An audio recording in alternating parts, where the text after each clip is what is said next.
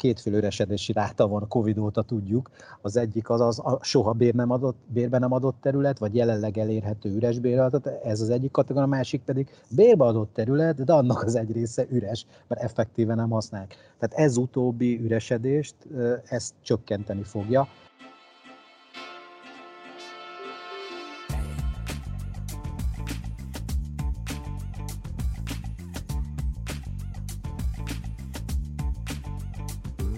Köszöntök mindenkit, én Ditrói Gergely vagyok a Portfól ingatlan vezetője, és ez itt a Portfól ingatlan legújabb podcast adása.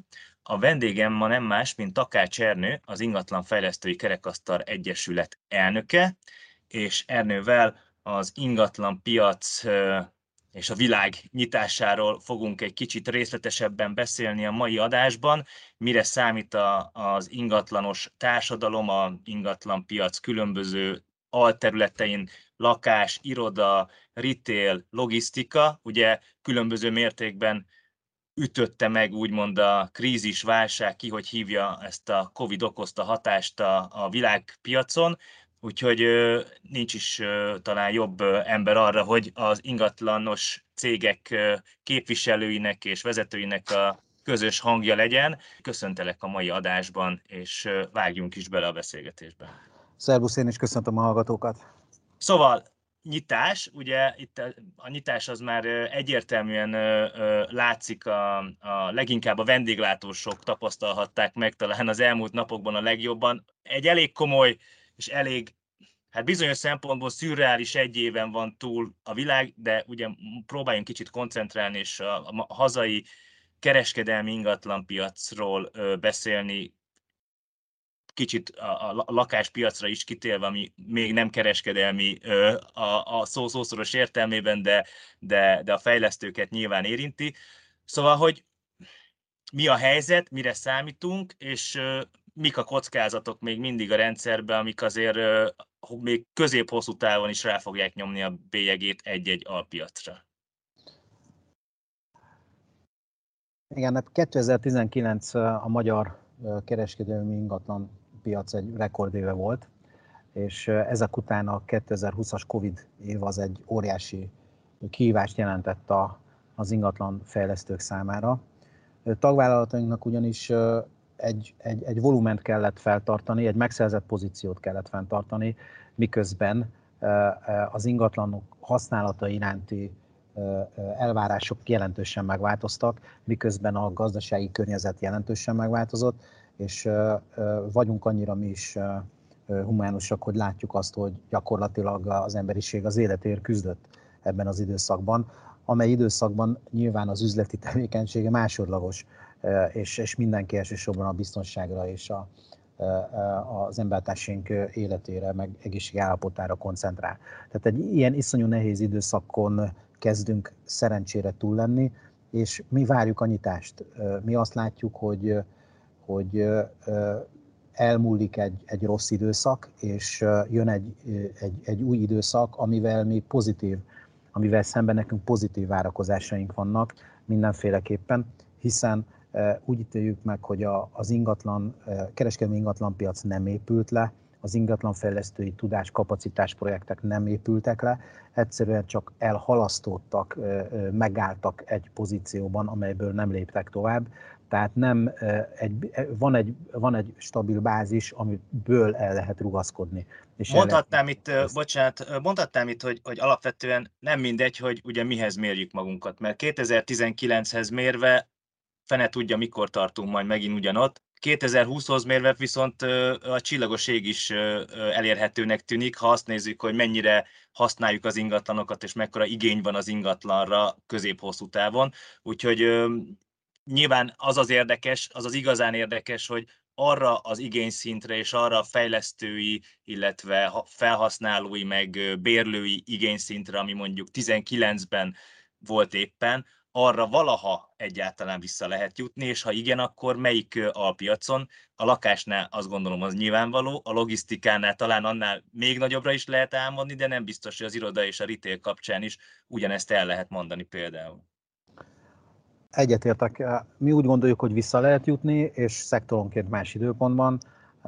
Nyilván a szálloda fog talán a legkésőbb visszazárkozni a, egyébként 2019-es rekordévéhez, de talán már a befektetői piac nagyon gyorsan vissza fog tudni találni, hiszen az ingatlan befektetés ma különösen jó üzlet, infláció növekszik, pénzbőség van a piacon, befektetési ingatlan termékek rendelkezésre állnak, tehát szándék is megvan, stabilitás alakul, GDP növekedés lesz, visszafogott fogyasztás volt a lakosság részéről a Covid idején, tehát fogyasztás bővülésre is számolhatunk, tehát mindezek, mindezek mind az ingatlan befektetések melletti érvek, úgyhogy én azt gondolom, hogy gyors lesz a visszaépülés ezen a területen, és mondjuk a szárodán, és esetleg a ritélen kicsit később fog visszarendeződni, de mi abban hiszünk, és ezért dolgozunk, hogy ez, ez a korrekciós időszak, vagy ez inkább úgy mondanám, ez a konszolidáció, ez minél gyorsabban történjen meg, és minél előbb zárkozzunk vissza. Én továbbra is azt mondom, hogy 19-hez, és folytassuk azt, amit egyébként 2015-től 19-ig felépítettünk, és elértünk egy volument és egy, egy, egy, egy piaci fejlettségi szintet, exit yieldekben, hozamokban, bérleti díjakban, és azt folytatni tudjuk tovább, tovább emelkedni, mert még mindig van a magyar ingatlanpiacban növekedési potenciál. Amikor leültök és tárgyaltok egy ilyen elnökségi ülésen, és azon gondolkodtok, hogy pár évvel ezelőtt hány tízezer, százezer négyzetméter irodára volt egyébként igény, és fejlesztődött és épült is meg, és most, hogyha azon gondolkodtok, hogy vajon mennyire térnek majd vissza a cégek valóban a fizikai térbe, és tudom, hogy milliónyi tanulmány van, pro, kontra, milliónyi cég van, aki teljesen másképp fogalmazza meg a saját jövőjét az irodába való visszatéréssel kapcsolatban, biztos, hogy mindenki tud olyat, akik soha nem akarnak visszamenni, biztos, hogy mindenki tud olyat is mondani, akik már, már most tudják, hogy vissza akarnak menni, akár négy-öt napra is, de van egy ilyen általános megállapodás, egyelőre úgy tűnik ez a, még az ingatlan piacon dolgozó cégek közötti ilyen tanulmányokban is ez a két-három napot mondják így fixre, és akkor a többi az ilyen rugalmas munkavégzés, de hogy ehhez majd hogyan alakulnak át a bérelt területek, hogy nő vagy csökken, mert a esetleges egészségügyi, higiéniai szempontok miatt még, még nagyobb területre is lesz szükség, a kevesebb emberre. Tehát, hogy ma is inkább azt akarom ezzel az üzenni ezzel a kérdéssel, hogy annyi kérdőjel van még mindig, annyi bizonytalansági tényező, ami, ami talán kocká, különösen kockázatossá teszi azt, hogy, hogy mondjuk most egy két-három éves ingatlanfejlesztési folyamatba akár elkezdjen belevágni valaki. A jó termék persze mindig megtalálja a, a, a felhasználót, vagy a bérlőt, tehát hogy egy olyan piacon, ahol van négy, mindjárt, mindjárt megcsípjük a 4 millió négyzetmétert, modern irodába például, ha valaki épít 50 ezer négyzetmétert, akkor az biztos ki tudja adni, mert van annyi bérlő bőven, majd valaki, aki a BC kategóriába van, vagy a 20 éves A, A-osba, annak nehezebb dolga lesz ugye újra pozícionálni magát, de, de azért sok itt a kérdője. Igen, akkor beszélünk az irodapiacról.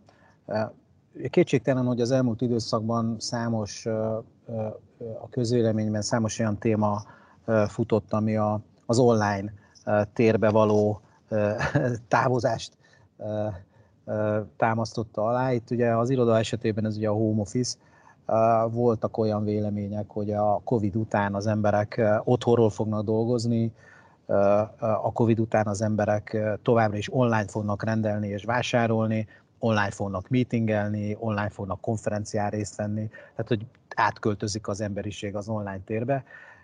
Mi ingatlan fejlesztők pedig alapvetően az offline térben vagyunk érdekeltek, hiszen ugye a mi épületeinket használók azok a valós, való világban mozognak, és mi hiszünk abban, hogy, hogy itt a Covid kitérő után, ahol teljesen indokoltan korlátozták a, az embereknek a mozgását és mozgásterét, és teljesen kézzelfekvő volt, és segítette az emberiséget, meg az üzleti folyamatokat az online tér, de vissza fognak térni az emberek a való, való világba. Tehát a jó kérdés az nem az, hogy iroda vagy home office, hanem a jó, kérd, jó kérdés feltevés az az, hogy, hogy 90% iroda és 10% home office, hiszen a home office megmarad bizonyos munkakörökben, bizonyos pozíciókban, bizonyos munkafolyamatoknál, bizonyos munkavállalók esetében kifejezetten ösztönző és hatékonyabbá teszi a, a munkavégzést.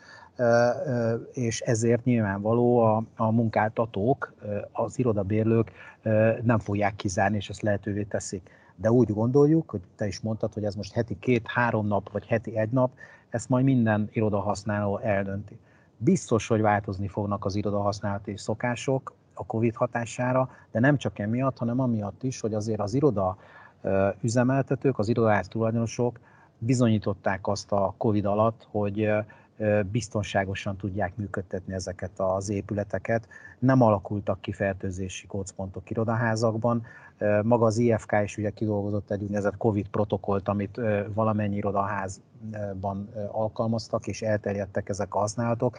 Változtak a közösségi területek használati szabályai, és a, a magániroda területek használati szabályai is. Mindenki sokkal felelősségteljesebben viselkedett, és ennek köszönhetően egyébként minden bérlőnek és bevadónak ehhez csak gratulálni lehet.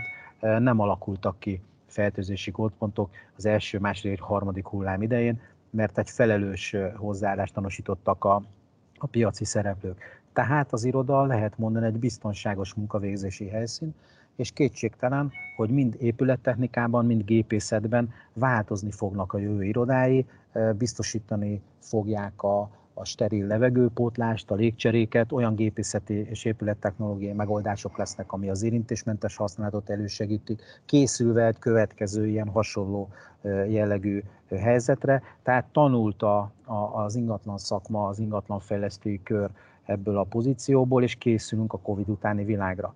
Változni fog az irodahasználat, mi bízunk abban, hogy az ültetési sűrűség is változik, tehát nem 6 négyzetméterre zsúfolunk be egy irodai dolgozót a jövőben, hanem esetleg 7-7,5-8 négyzetméter területet is biztosítunk neki, és hogy a közösségi kooperációs területek is növekedni fognak, amitől még kellemesebb, komfortosabb lesz az irodai munkavégzés. Tehát a bérői oldalról mi azt látjuk, hogy már ezeket a kérdéseket egyébként a, a humán erőforrás, tehát a HR terület részéről egyre több bérleti szerződés tárgyalásnál felvetik. Covid előtt is felvetették, csak akkor egy másfajta, egy élmény, egy, egy munkahelyi élményszerzés, vagy élménybiztosítás szempontjából, vagy munkahelyi komfortbiztosítás szempontjából kezelték, most pedig már közegészségügyi szempontból is felvetődik, és azt gondoljuk, hogy így módon ilyen típusú irodára továbbra is szükség lesz, és ez bizonyítja az, és akkor beszélünk egy picit a bérbeadásról, mert erről is beszéltél. Egy, egy, egy másodperc, amit a bérbeadásról beszélnék, hogy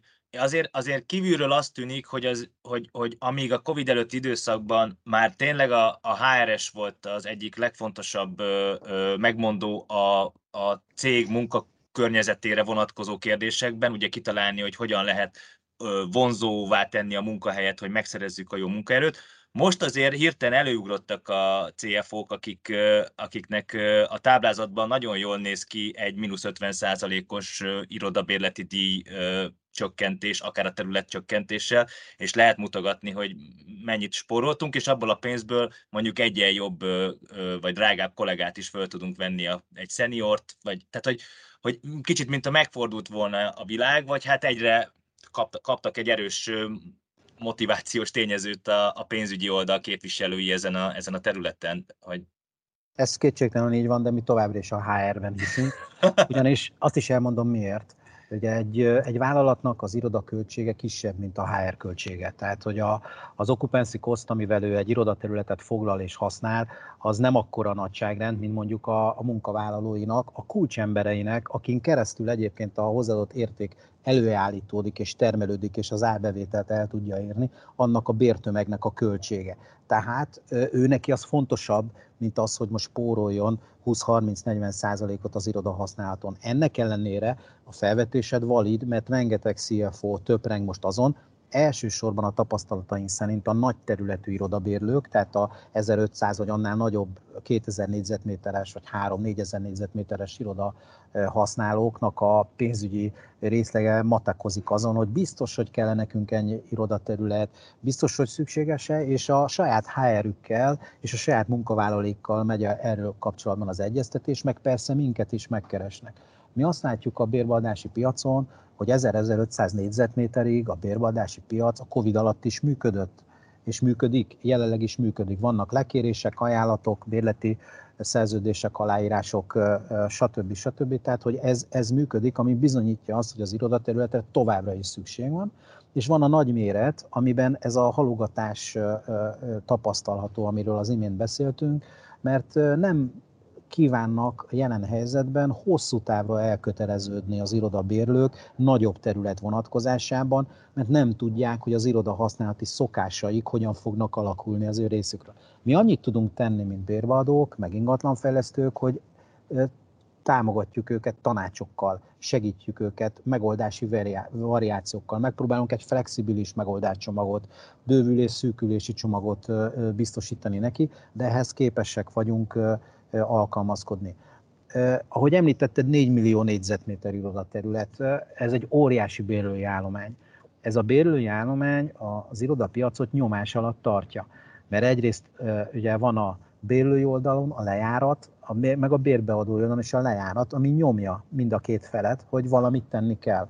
Le fog járni a szerződés májusban, le fog járni a szerződés szeptemberben, 6, 8, 10, 12 hónappal előre kell gondolkodnia mind a két félnek arról, hogy hogyan tovább. Tehát van egy nagy nyomás, hogy dönteni kéne, dönteni kéne, a másik oldalon meg egy bizonytalanság, hogy jó, de mekkora területet, hogyan, miképp. És ezeket kizárólag egyedi megoldások keretében lehet kezelni. Én azt gondolom, hogy van Magyarországon is egy nagyon erős szaktudással, tapasztalattal rendelkező tanácsadói ügynöki hálózat, ami ezt a bérlőt és a bérbeadót egyaránt segíti ebbe a helyzetbe, és hát azért nem kell megfeledkezni a, az ingatlanfejlesztői szakmai tudásról sem, akik tudnak erre megoldásokat nyújtani. Tehát összességében én azt gondolom, hogy az irodahasználati változásokhoz a szakma igazodni fog tudni, és azt gondolom, hogy, hogy, hogy változások lesznek mindenféleképpen, de összességében az irodapiacot, mint irodapiaci szegmens nem fogja sújtani vagy visszavetni ez a fajta irodahasználati változás.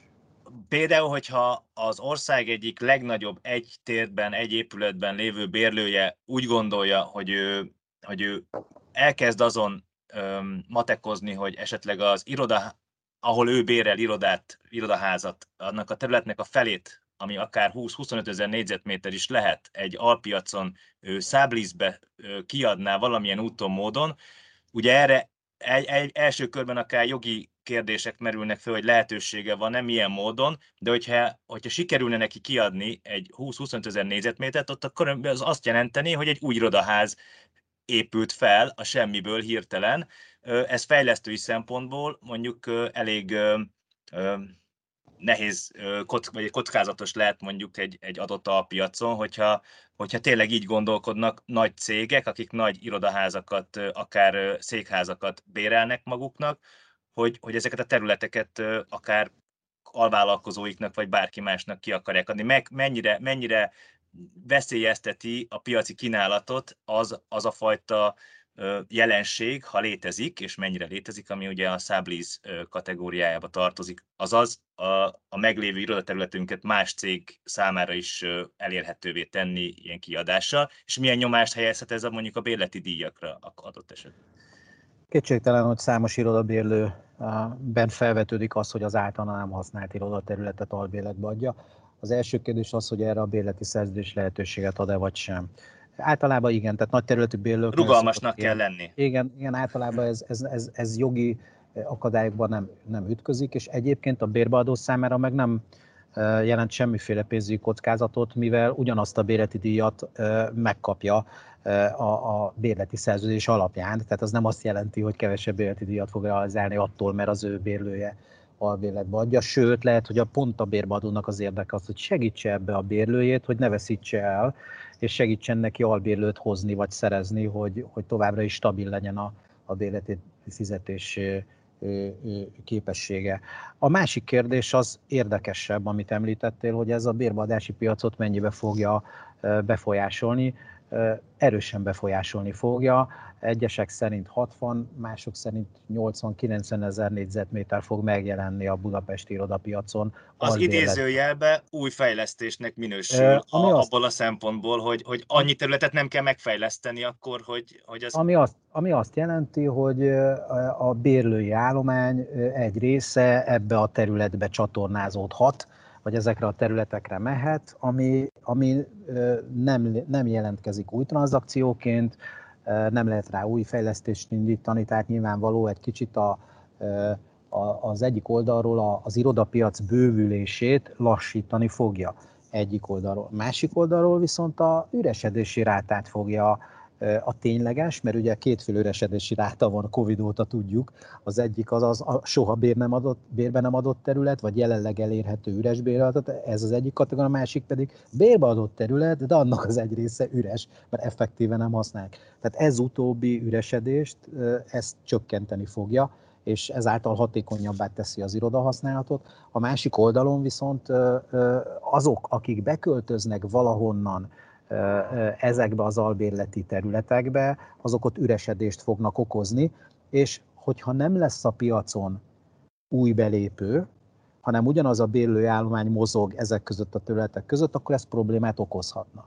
Mi azonban úgy gondoljuk ingatlanfejlesztők, hogy lesznek a piacon új belépők, mert gazdasági, komoly gazdasági növekedésre számolunk, komoly GDP növekedéssel számolunk, azt mondjuk, hogy a visszafogott fogyasztás a, miatt a, a, a, a GDP alacsony bázisa miatt ugye van egy bázis hatás, hogy innen könnyű fölugrani és nagy, nagy növekedést elérni, és ezt minden makroközgazdász prognózis megerősíti, illetve hát, hogy a Európai Uniós helyreállítási alapnak a visszatértő támogatás és egyéb kormányzati támogatási intézkedések miatt a gazdaság bővülni fog. Ez azt jelenti, hogy a szolgáltatások és a termékek eh, bővülnek, ez azt jelenti, hogy több irodaterület lesz szükség. Tehát bízunk abban, hogy lesz annyi új belépő az irodapiacra, akik még az albérleti piacot is, albérlet piaci, albérleti piac miatti többletkínálatot is le tudják kezelni. És akkor itt egy pillanatra, bár hosszasan tudnánk az irodapiaci ö, ö, jelenséget és várakozásokat fejtegetni, de ugye több alpiac is van, ami érdekes, és hogyha már a gazdaság fellendüléséről beszélünk, és az átalakuló keresletről, illetve az átalakuló világról, akkor itt a, a retail, a hotel, a logisztika és a lakáspiac is szóba kell, hogy kerüljön, mert mindegyikre másfajta hatással volt, és lesz az új világrend. Így van. Nézzük akkor, ugye ami az egyik alpiacnak vagy szektornak veszély és nehézség, az egy másik szektornak lehetőség, és ez teljesen igaz az ipari logisztikai szektorra, aki a Covid alatt óriásit futott, és az üresedési rátát a rekord alacsonyra tolta, miközben egyébként tömegével indulnak új fejlesztések és újabb területek kerülnek az ipari logisztikai piacra, sőt, megjelennek új fejlesztők, olyan egyébként professzionális ingatlanfejlesztők, akik eddig ipari logisztikai fejlesztéssel nem foglalkoztak, de látván azt az óriási konjunktúrát, amit ez a szektor fut, belevágtak ilyenbe, és elkezdenek ők is a piacon megjelenni. Tehát ott azon kívül, hogy rekordalacsony az üresedési ráta, egy jól működő piac törvényeinek megfelelően fokozódik a verseny, a béleti díj emelkedése lassul, és, és gyakorlatilag bővül, ugyanakkor meg az átlagosnál jóval inkább bővül a, ez a szektor. Mi azt látjuk, hogy ez a konjunktúra tovább tud tartani, nyilván a, a konjunktúrát megalapozó fejlesztések és egyebek miatt, tehát tovább fog bővülni ez a szektor és ez az ágazat ipari logisztikai területen, viszont van egy-két olyan probléma, amit, ami ennek a bővülésnek jelenleg is már az akadályát képezi, és ezen a piacon egy kis versenyhátrányt okoz Magyarországnak, hiszen azt ne felejtsük el, hogy azért a logisztikai piac az egy kelet-európai regionális piac, tehát itt Szlovákia, Csehország, Lengyelország, Magyarország versenyezik egymással. Tehát itt nem mindegy egyáltalán, hogy ki mekkora projektet tud megszerezni, és melyen regionális logisztikai szolgáltatásokra tud ingatlan megoldást nyújtani. Mik ezek a problémák? Az egyik az építményadó. A, mi úgy látjuk az IFK-ban, ingatlanfejlesztő oldalon, hogy a, az építményadó aránytalanul nyújtja ezt a szektort, aránytalanul sújtja ezt a szektort, hiszen arányaiban sokkal nagyobb költséget okoz egy négyzetméterre kirótt építményadó, mint mondja egy irodaház, vagy egy, egy, egy, egy nagyobb bérleti díj termelésére képes kereskedelmi ingatlan esetében, hiszen jellemzően a, a bérleti díjak 3,5 és 5 euró között mozognak, nem pedig, nem pedig 12 és 18 euró között, tehát ebből könnyen ki lehet következtetni, hogy ugyanaz az építményadó mérték egy négyzetméterre arányaiban sokkal inkább sújtja az ágazatot. Ezzel valamit kezdeni kell, minden adókérdés, amit az IFK felvet, nagyon nehéz kérdés, nagyon kényes kérdés, és roppan nehéz végigvinni, pláne egy építményad esetében, ami ugye önkormányzati hatáskör, és elsősorban az önkormányzatok költségvetési stabilizálását szolgálja. De... Jó, de ha valakinek van esélye, akkor a 27%-os lakásépítési vagy vásárlási áfát ö, ö, sik, so, hosszú évek alatt sikeresen ö, ö, ö, lobbizó szervezetnek, akkor ezen, ezen az úton keresztül is Köszönjük az elismerést. Igen, erről majd beszélünk később a lakástaktonnál, hogy ez most hol tart, de tehát optimisták vagyunk, mi úgy gondoljuk, hogy talán meg tudjuk győzni a, a, az adózási szabályokat, alkotókat arról, hogy tegyenek már különbséget az építményadó vonatkozásában az egyes épületek között, mint ahogy egyébként erre rengeteg nemzetközi példa van. És vannak jó példák is, mert például Magyarországon vannak olyan önkormányzatok, ahol a vállalkozási jövezetben nem szednek építményadót. Tehát, hogy egyszerűen ezt így, így megoldják. Ezáltal egyébként egy versenyen nyújtanak azoknak a fejlesztőknek, akik ott építenek ilyen objektumot. Most konkrétan Akkor ezokra az ipari parkok, a, önkormányzati adott esetben, vagy igen, állami igen, ipari parkokra igen. gondolunk ebben. Így, így van, így van. Tehát az egyik ilyen dolog, amit kezelni kéne, a másik pedig a bizonyos olyan ö, szakhatósági előírások, szabályzatok, ö, rendeletek, ö, jogszabályok, amelyek a, a, az építmények létrehozásának a költségét szerintünk, véleményünk szerint, ingatlanfejlesztők véleménye és ingatlanfejlesztő által felkért szakértők szerint indokolatlanul drágítják. Én gondolok itt elsősorban például a tűzvédelmi szabály, szabályokra, amelyek Magyarországon indokolatlanul szigorúak, és az ipari logisztikai épületek esetében, és igencsak felülvizsgálatra szorulnak.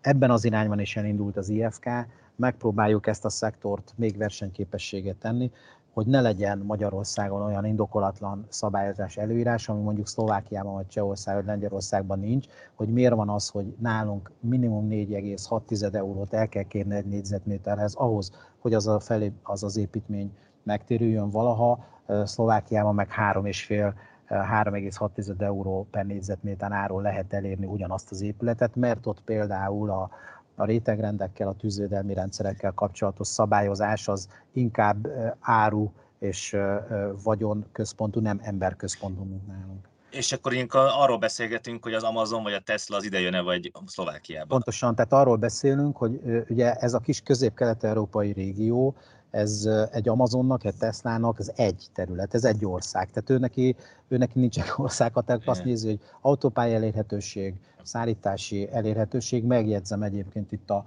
a kínai sejemút kapcsán sok mindent lehetett olvasni, de például annak a belgádi vasútvonalnak, illetve ennek a vasúti hálózat fejlesztésnek az egyik következménye, folyamánya lehet, hogy a vasúton megérkező szállítmányok Magyarország átrakodása milyen fejlesztési potenciált hoz a magyar ipari logisztikai szektor számára. Tehát ott sem mindegy, hogy ezek az épületek, ha már egyszer jó a helyünk, ha már egyszer földrajzilag, gazdaságföldrajzilag jó elhelyezkedésünk van, akkor ezeket hogy tudjuk használni. Ezzel kapcsolatban is elindult egy szakmai lobby tevékenység, elkészítettük a, az országos tűzdelmi szabályzatnak a felvizsgált tával kapcsolatos szakmai javaslatunkat, és próbáljuk ezt a szektort ezzel is. És ez, ez ennyi lenne? Tehát, hogy ez a, ez, a, ez a két dolog, hogy tűzvédelem és adó, ez tesz minket versenyképtelenné logisztikai piacon mondjuk a régióban? Vagy az ennél kicsit szofisztikált, tehát ezek a konkrétan megfogható, most éppen fókuszban levő intézkedések, de teszem azt, most a hasamra ütök, nálunk 500 euró egy négyzetméternyi logisztikát felé, felépíteni valamiért, munkaerőköltség, anyag, a szlovákoknál mondjuk csak 450. Kérdezem.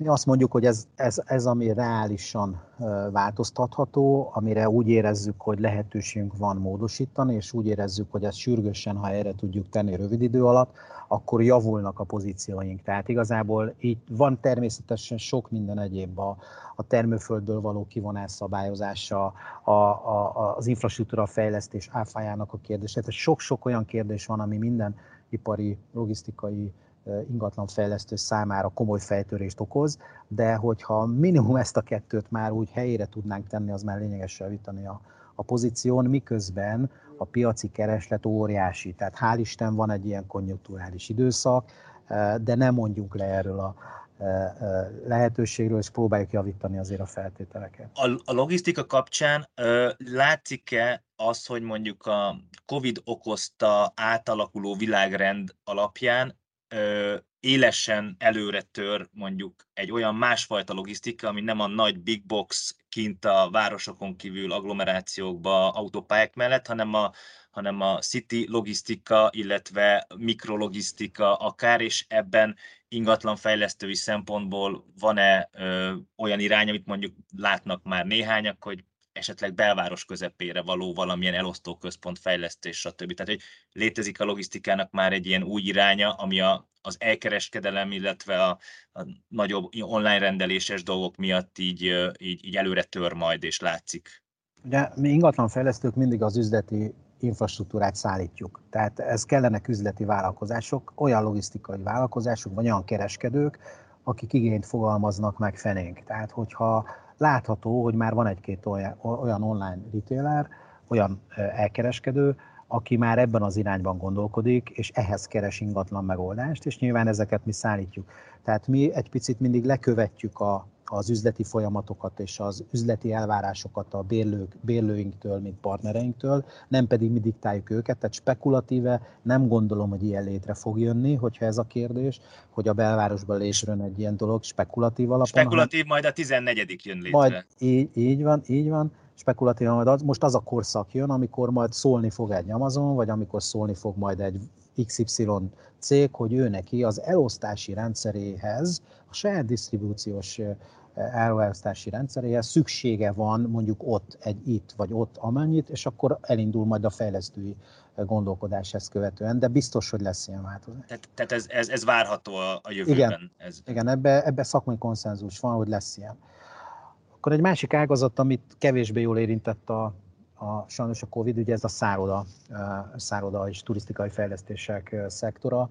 Itt azt lehet látni, hogy azzal, hogy a európai turizmus megállt, az üzleti turizmus megállt, az emberek helyváltoztatása korlátozva volt, gyakorlatilag egyik napról a másikra megszűnt az árbevétele ennek a szektornak.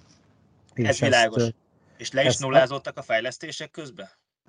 És igen, erről majd beszélnek a finanszírozás kapcsán, mert itt például ahhoz, hogy ez a szektor kilábaljon, és valaha egy-két éven belül, három éven belül, vagy két éven belül elérje a 2019-es rekord teljesítményt, ahhoz változtatni kell sok a finanszírozási gyakorlaton. És konkrétan például a szálloda esetében is az történt, hogy a bankok tekintettel arra, hogy jelenleg nem működik ez az üzletág, a szállodafejlesztések finanszírozását megállították.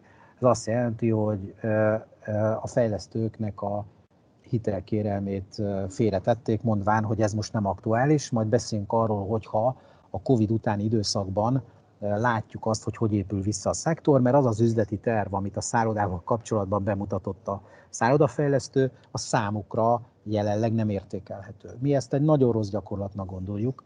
Mi azt gondoljuk, hogy ingatlanfejlesztőként, hogy az soha nem jó, hogyha egy bank ügyfél iránti bizalmát a projekt iránti bizalmatlanság legyőzi. Ez nem jó mert egy ügyfél, és én azt gondolom, hogy Magyarországon, különösen az IFK tagvállalatok már bizonyítottak az elmúlt 25 évben, az mindig tudja, hogy milyen döntést hozzon, és hogyha ő a szakértelmével, a szakembereivel úgy ítéli meg, hogy annak a fejlesztésnek az indítása nem kockázatos, akkor tekintsük őt felnőttnek, tekintsük őt szuverénnek, és mondjuk azt, hogy oké, okay, én benned bízok, a projekt egy kicsit bizonytalan, de te, mint ügyfelem, aki, aki 20 éve az ügyfelem vagy, és, és jó, korrekt együttműködésünk volt, akkor ez a bizalom legyűzi, legyűri a projekt iránti bizalmatlanságot, és megtörténik a hitelkihelyezés, és így módon két-három év múlva, mire megnyit az a szálloda, és amúgy is rendeződik a piac, egy sikeres üzletet lehet kötni mindenki számára. Tehát egy kicsit több bizalmat kérnénk ingatlanfejlesztőként a bankoktól, megértjük az ő döntési szempontjaikat, de azt kérjük, hogy az ügyfél iránti bizalmuk legyen erősebb, mint a projekt iránti bizalmatlanságuk, és bízzanak az ügyfelükben, hogy ők tényleg megalapozott üzleti döntést hoznak. Az lehetne a megoldás esetleg ebben a konfliktus helyzetben, ahol azért bizonyos szempontból ők nyilván a, a, a saját befektetőik, akár kis, akár nagy befektetőiknek a pénzét védve, vagy más biztonságosabb helyre való kihelyezésben bízva, esetleg az ilyen típusú fejlesztéseknél, nem tudom, akár magasabb kamatszintekkel, akár nagyobb fedezettel, akár nagyobb előértéket. Tehát mi, mi lenne az, amit egyébként azért kínálna is az ingatlanfejlesztő azért a vélt vagy valós kockázatért cserébe, amit vállal a finanszírozó, még akkor is, hogyha a fejlesztőbe hisz, de a projekt az ma még Igen. számára nem teljesen biztos, hogy, hogy hogyan Vannak, teljesít. abszolút vannak technikai megoldások, lehet több önerőt kérni, lehet kockázati kamatfelárat kérni egy bizonyos időpontig, lehet aztán topapot kínálni cserébe, hogyha a, bizony, a szállodanyitás utáni években az üzleti terve eléri azt a szintet, amit egyébként a bank elvár, akkor kiengedni az önerőből egy részt, vagy egy, vagy egy, vagy egy excess elengedni. Tehát, hogy vannak banktechnikai megoldások, a probléma az az, hogy jelenleg nincs kommunikáció ilyen projektekben, tehát azt lehet mondani, hogy a kassa zárva, ma nem nyitunk ki, gyere vissza később, és emiatt a projektek pedig elhalasztódnak és tolódnak, és ez nem feltétlenül jó. Tehát én azt gondolom, hogy a finanszírozás területen, és sajnos ez már az iroda projekt finanszírozásánál is megjelent ez a fajta banki megközelítés, miszerint az imént beszéltünk róla, a home office hatás és egyéb hatások, albérleti piac hatása mennyibe teszik kockázatosabbá az adott irodafejlesztés finanszírozását és ez, ez, ez nem jó irány, mert hogyha a, a finanszírozás megáll, akkor nem lesz fejlesztés, ha nem lesz fejlesztés, nem lesznek kész projektek, és ha nem lesznek két-három év múlva projektek, akkor kiszárad a befektetési ingatlan piac, mert nem lesz terméke. Tehát azok a projektek, amiket most nem indítanak el, azok két-három év múlva hiányozni fognak, és hogyha a bank most bevezet egy ilyen moratóriumot, és nem bírál el projektet az elkövetkező egy évbe, akkor az egy évet nem fogjuk tudni soha behozni, mert nem feltételezhető az, hogy kétszer annyit, jó, hát akkor majd kétszer annyi szállodát kell fejleszteni 22-be. Nem Mo- így működik. Most Tehát, ma, most ma látod magad előtt a, a, a ingatlanos cégeknek a kumulált tervezett fejlesztéseit négyzetméterbe. 2020-ban, meg még talán 21-re is nyilván tolódtak olyanok, amiket még érdemes volt mindenképp befejezni, mert, mert olyan fázisban, olyan stádiumban voltak, hogy a leállítás az nagyobb költséget jelentett volna, mint a befejezés. De hogy akkor most arra utalsz, hogy bizonyos alpiacokon ö, egyszerűen kiszárad az átadás, és mondjuk két-három év múlva irodából, meg hotelből ö, minimálisat vagy nullát fogunk látni, mert, mert, mert ezt, ezt diktálja a piac, vagy a finanszírozói oldal? Mindenképp megvan ez a veszély. Tehát azok a projektek, amik most nem indulnak el, általában ugye az a tapasztalat, a 2007-es, 8-as válságnál ezt, ezt tapasztaltuk, hogy a, az ott megakadt projekteknek a 60%-a soha meg sem valósult. Tehát amikor már helyreállt 12-13-ra a, a, a gazdaság, akkor annak, azoknak a projekteknek, amiket leállítottak 2007-8-9 folyamán, azoknak a 60%-a soha nem indult el és nem valósult meg. Ezek a fejlesztések, amik most per pillanat iroda vagy szállodafronton nem kapnak finanszírozási esélyt sem, ezek jó helyen lévő kipróbált szállodai meg bérbadási szake, irodabérbadási szakemberek által elsőosztályú lokációnak minősített fejlesztés. Bocsánat, csak még egy megoldás, mert ugye említetted, hogy milyen technikai megoldások lehetnének erre. Ugye beszéltünk kamatfeláról, meg már nagyobb önerőről, meg sok minden, de van még egy, és ezzel kapcsolatban is elindítottunk egy lobby tevékenységet, hogy ugye van a Garantika ZRT, tehát a, ami bizonyos garanciákat vállal a kereskedelmi bankok felé bizonyos vállalati hitelezés vagy projektfinanszírozás esetén, és úgy gondoljuk, hogy talán időszerű lenne egy árbevételi garancia terméket kidolgozni, tehát az állam abba tudna segíteni, hogyha mondjuk a kereskedelmi bank számára garantálná a üzleti tervben szereplő árbevétel 70-75%-át, és ezért nyilván egy díjat kérne ez a kvázi biztosító vagy garantáló szervezet, mert ebben az esetben is át lehetne hidalni ezt a egy-két éves bizalmatlansági gepet, ami, ami a, a szép új világ, meg a jelenlegi helyzet között van a bankok szempontjából. Úgyhogy főleg, finansz... olyan cégeknek, főleg olyan cégeknek, akik, akiket mondjuk a, az MNB kötvényprogramjában akár már ugye valamilyen ratingrendszeren keresztül egy pozitív elbírálásban részesültek, ez is egy extra biztosíték lehetne számukra. Abszolút, tehát azt látni kell, hogy a professzionális ingatlanfejlesztők azok már több szempontból át világítva, vagy tőzsdei cégek, vagy tőzsdei szabályoknak megfelelő tőzsdei cégeknek megfelelő szabályok szerint kell, hogy működjenek, üzleti jelentéseket tesznek közzé. Tehát én azt mondom, hogy annyira transzparens és átvilágítható és ratingelhető vállalatok vannak ezen a, ebben a szektorban, ami minimalizálja a kockázatot a, a, az üzletákban. Tehát ez a ügyfél iránti bizalom, ez, ez indokolt lehet. Most a, a konkrétan az MNB termékeit illetően éreztem a, a szavaidból a, a a, utalást. Az utalást, igen. Én erre azt mondom, hogy nagyon nagy segítség volt, és lesz a magyar gazdaság növekedésében ez a fajta termék, és abszolút ingatlanfejlesztőként abszolút tudom támogatni ezt a fajta gyakorlatot, amit így módon, ami, amin keresztül így módon került tőke a, a magyar gazdaságba, azért, mert különösen az ingatlanfejlesztés egy nagyon nagy tőkeigényű vállalkozási forma, és ugye Magyarországon 90-es évekig nem alakultak ki olyan nagyon nagy tőkeerős ingatlanfejlesztő vállalatok, amik Nyugat-Európában működnek, és gond nélkül áthidalnak bármekkora három-öt éves válságidőszakokat is. Ilyen nincs, tehát a magyar vállalatoknak, a magyar gazdaság kulcs folyamatos tőkepótlási igényük van, és ezek az eszközök ezt támogatják, ezt segítik. Ugye szó volt arról, hogy esetleg nem lesz befektetésre való termék, hogyha nincs finanszírozás, és nem tudnak a fejlesztők haladni, tehát kiszárad a piac, és nem lesz mi befektetni, pedig az ingatlan az, az mindig is egy, egy ilyen fontos lába volt a befektetési piacnak, és az is marad.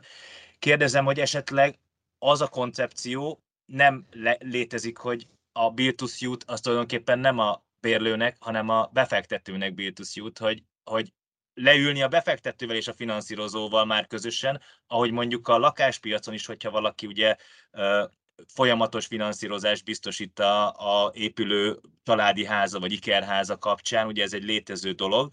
Üm, és hallottunk már az irodapiacon is olyat, hogy a befektető már a projekt kapavágása előtt ott volt, és finanszírozta is valamilyen úton, módon a másik alvállalat, vagy a lányvállalatán keresztül a projektet. Tehát, hogy miért nem mondjuk azt, hogy ha befektetőknek van igénye, akkor tessék kézen fogni a finanszírozót és oda menni a fejlesztőhöz, és akkor mehet a projekt. Tehát, hogyha van igény a végén a vételre, akkor meg fog valósulni, és van biztosíték. Abszolút logikus, amit mondasz. Azt kell látnod, hogy a befektetőnél ez egy árazási kérdés. Tehát az, hogy a bizalom, ha megvan a, a bizalom a, a fejlesztő iránt, a befektető részéről, akkor is milyen, milyen és, és egy ilyen forward purchase agreement, tehát egy előre értékesítési megállapodásról tárgyalok, ott mindig az árazás a kulcskérdés, hogy mit hiszel, mennyi idő alatt adott bérbe, milyen bérleti díjról, milyen exit yieldet kérsz érte, stb. stb.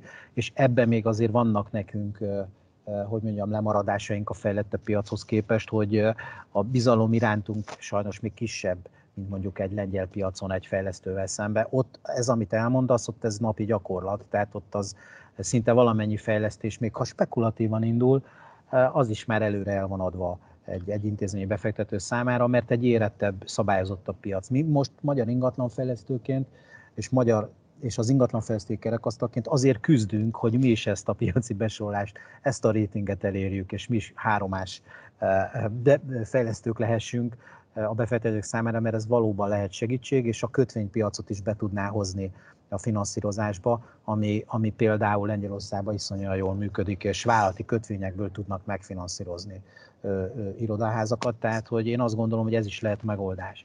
Ami a befektetési piacot illeti, az volt még egy negatív hatása a Covid-nak, hogy gyakorlatilag befagyott a, a magyar kereskedelmi ingatlan befektetési piac a Covid-nak köszönhetően, mert ebben az időszakban egyrészt az ingatlan használat körülményei változás és bizonytalanságot sugároztak, másrészt pedig ugye maga az ingatlan befektetési tranzakció lefolytatása és odautazni, átnézni, átvilágítani, megnézni, ez is ugye akadályokba, országhatárokba ütköző dolog volt, és ezért, ezért ez a dolog ez befagyott. Ugyanakkor viszont azoknál az országokban, ahol a, a helyi befektetők, a helyi ingatlan befektetők erősek, tehát Németország például, ott ez nem okozott fennakadást, mert ők helyben voltak, ismerték a helyi folyamatokat, tehát tudtak a helyi, helyi ingatlan befektető, a helyi ingatlan termékből tudott vásárolni. Magyarországon még nem épült fel az a helyi ingatlan befektetői hogy mondjam, bázis, amely ilyen esetekben is, amikor egy kicsit bezárodik a külföld, tudja hozni a tranzakciókat, és ezért a tranzakciók száma sajnos csökkent.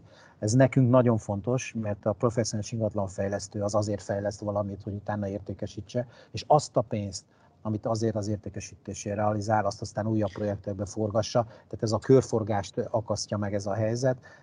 Reméljük, hogy ez most a felhalmozott befektetésre váró pénzek és a, a, a COVID elleni győzelem hatására ez, ez idén, második fél évben és elsősorban jövőre bepótolódik, és az elhasztásra került tranzakciók azok megvalósulnak. Azért Magyarország az elmúlt időszakban arról volt jellemző, hogy arányaiban a hazai befektetők magas százalékot képviseltek a befektetési volumenben, tehát hogy a környező országokhoz mondjuk lengyel, cseh, szlovák különösen magas volt a domestik, a, a belső befektetői kör százalékos aránya. Így módon... Van, mert, igen. Így... Ez így volt, tehát 2019-ig szépen növekedett, és ez egy teljesen jó folyamat volt. 2008 előtt jellemzően külföldi befektetők voltak a magyar ingatlanpiacon, alig volt hazai, de aztán kialakult egy olyan ingatlan alap és intézményi befektetői struktúra és hálózat, ami, ami ahogy növekedett, úgy igényelte az újabb és újabb termékeket, és tranzaktáltak is, tehát nem csak vettek, hanem el is adtak termékeket. Tehát az egy teljesen ideális megoldás lenne számunkra, hogyha az első vevő az a hazai ingatlan, intézményi ingatlan befektető lenne, és a második vevő lenne csak külföldi. Ami egyébként a fejlett országokban tapasztalható. Tehát ott, ott külföldi ingatlan befektető első körben nagyon nehezen fér hozzá prémium ingatlan befektetési termékekhez. Nagyon nagy az árverseny, és ezért van egy ilyen fajta gyakorlat. Mi szeretnénk, hogyha ez, a, ez szépen épült 2019-ig, a hazai ingatlan befektetői kör, a szabályozás is kedvezően alakult mindehez, a makrogazdasági környezet is kedvezően alakult. Mi szeretnénk, hogyha ez a folyamat nem, ezután, a szünet után újra ugyaninnen folytatódna, és ez, a, ez az éves szinten másfél milliárd eurónyi tranzakciós forgalom, ez, ez stabilizálható lenne. Azért az, a minap volt egy jelentős tranzakció a, a hazai piacon, úgyhogy a jelek a hozamszinteket is kalkulálva, bár nem ismerve, azért pozitívak ebből a szempontból, és nagyon érdekes, mert miközben egy külföldi cég, külföldi befektető cég vásárolt, mégis, mint hogyha akár magyar cégnek is nevezhetnénk a, a, az irodaházak megvásárlóját. Tehát tulajdonképpen egyszerre, nem is tudom, hogy az elszámolásban ez hogyan jelenik meg majd a, a tanácsadó cégeknél, amikor a külföldi meg a helyi befektetőket értékelik, de hogy minden esetre van, van mozgás szerencsére, vagy elindult valami új? Igen, hála Isten, és adja Isten, hogy sok ilyen legyen, minden héten legyen egy ekkora tranzakció. Vannak termékek, ez azt mutatja, vannak termékek, és van befektetésre váró pénz. Tehát továbbra is azt mondom, mint mindig is mondtam, hogy a, az ingatlan befektetés, mint olyan, az nagyon időszerű, nagyon stabil, és, és én azt gondolom, hogy az államkötvény után a második legbiztosabb befektetési forma és még mindig rengeteg potenciál van benne, tehát még mindig sokkal több pénz lehetne Magyarországon is, meg közép-kelet-európában ingatlanokban. Tehát én azt mondom, hogy az ingatlan fejlesztés szakma előtt ezért áll fényes jövő, mert ezeket a termékeket létre kell hozni. És, és, és lesznek ilyenek, és nagyon örülnék, hogyha, hogyha elérnénk mondjuk, mondjuk Svédországnak a egynegyedéves ingatlan tranzakciós volumenét, ami ilyen 2,5 milliárd euró, azt mi éves szinten el tudnánk érni, és stabilan tudnánk tartani, és onnan tudnánk tovább hm. lépni. A, a lakáspiacra nem tértünk ide, amikor azt említett, hogy jó befektetés az ingatlan, akkor egy pillanatra beszéljünk arról is, hogy nem csak intézményi szinten, hanem szerinted lakossági szinten mondjuk egy, teszem azt, ugye az ingatlanfejlesztők leginkább az új megvalósulásokban érdekeltek, tehát az új lakáspiacra vonatkozó ö, árak és lehetőségek szerinted lakossági oldalról is a jó befektetés kategóriába tartoznak-e, és milyen jövőt jósolsz az új lakáspiacon a termékeknek, meg a piacnak? Elindulhat-e mondjuk intézményesített lakásfejlesztés is akár a jövőben? A COVID hatására akár? Ez azt mondta, hogy szakemberként, szakemberként azt látom, hogy az emberek lakásukba fektetnek, tehát biztos jó üzlet. Ez a klasszikus vicc jut az eszembe, mikor a, a varázsló mondja az indiánoknak, hogy hát milyen lesz a tél, nem tudom, de az indiánok már hetek óta gyűjtik a fát, tehát hogy biztos nagy, nagy lesz a hideg. Tehát én azt látom, hogy szerintem az ingatlan, a lakásbefektetés jó üzlet, mert, mert az emberek veszik a lakásukat, az új lakásokat. Igen, ez egy öngól volt a részemről. Tehát... nem, csak, de hogy akik mondjuk már a második, harmadik, negyedik lakásukat is veszik az új építésükbe. Nyilvánvaló a, a befektetési célú lakásvásárlást is megfogta a Covid, mert az a rövid távú vagy középtávú ingatlan vagy lakáshasznosítás, Airbnb, Booking.com, stb. stb. azért ez, ez megállt, teljesen beállt, és ez, ez egyfajta megállt parancsolt az ilyen típusú üzleti jó értelembe vett üzleti spekulációnak. Tehát én azt gondolom, hogy ettől függetlenül a lakáspiac működött, és ez egy óriási, gondolom én teljesítmény, mind az építőipar, mind pedig a fejlesztői kör és az intézmények, a hivatalok részéről, hogy, hogy a Covid alatt is épültek lakások, a Covid alatt is átadásra kerültek, a Covid alatt is jöttek ki hatóságok és használvétel engedélyt adtak ki, tehát hogy miközben az ország home office-ba szorult és, és korlátozott a mozgása, azért ezek az emberek tették a dolgokat, és azért mégiscsak megtörtént ez a lakásszám kibocsátás, ez a közel 30 ezer lakás, ez, ez nem kevés. És akkor itt de... kell kiraknom azt egyébként zárójelbe, hogy, hogy a magyar kormány támogatásával. Igen, és nem zárójelben, mert én azt gondolom, hogy ez egy óriási dolog, hogy ingatlanfejlesztőként, hogy azt látom, hogy a lakáspiac keresleti oldalát egy kormány otthonteremtési, pozitív gazdaságpolitikai és családpolitikai okokból ilyen mértékben támogatja. Tehát én azt gondolom, hogy ez egy óriási dolog. Ma egy magyar embernek az otthon teremtéséhez az Európai Unióban vagy a világon szokatlan mértékű támogatást nyújt a kormány az adófizetők pénzéből. Tehát én azt gondolom, hogy ez egy, ez egy óriási dolog. Megjegyzem csendben, hogy Kár, hogy ez egyelőre most csak 2022. dec 31-ig látszik látszódik. Ugye eddig látjuk ezt az otthonteremtési támogatási csomagot, 2023. január 1-től nem látjuk, hogy ez, ez hogy alakul tovább. Egy biztos, hogy az, az új lakáspiacra és egyáltalán a lakáspiacra ez óriási élénkítést hozott a kereslet oldalról. Mi Illetve ingatlan... veszélyt azzal kapcsolatban, hogy hogyan folytatódik, hogyha nem folytatódik a program maga? Így van, ez egy nagy veszély, ezért mi fejlesztőként azért a kínálati oldalra koncentrálunk, és mi azt mondjuk, hogy az lenne az ideális, hogyha ebben az országban minden évben legalább 35 ezer új lakás meg tudna épülni, és ezt 5, 10, 15, 20, 30 éven keresztül tudná folytatni a, a, a, a, a piaci gyakorlat, és stabilizálnánk ezen a szinten, mert az áraknak a, a beállásához, megnyugvásához, stabilizálásához, az ingatlan érték stabilizálásához, a lakásingatlanok értékének stabilizálásához, ez szükséges, ez a, ez a kibocsátási mennyiség. Ezt pedig mi úgy látjuk jelenleg a tartósan vagy állandóra ö, ö, meghirdetett 5%-os áfa tudja garantálni, mert ez biztosítja azt a gazdasági észszerűséget és megtérülési lehetőséget a fejlesztőknek, hogy új lakásokat vigyenek a piacra, mert erre még kialakított vagy kikalkulált lakásvételárra van kereslet a keresleti oldal támogatása mellett.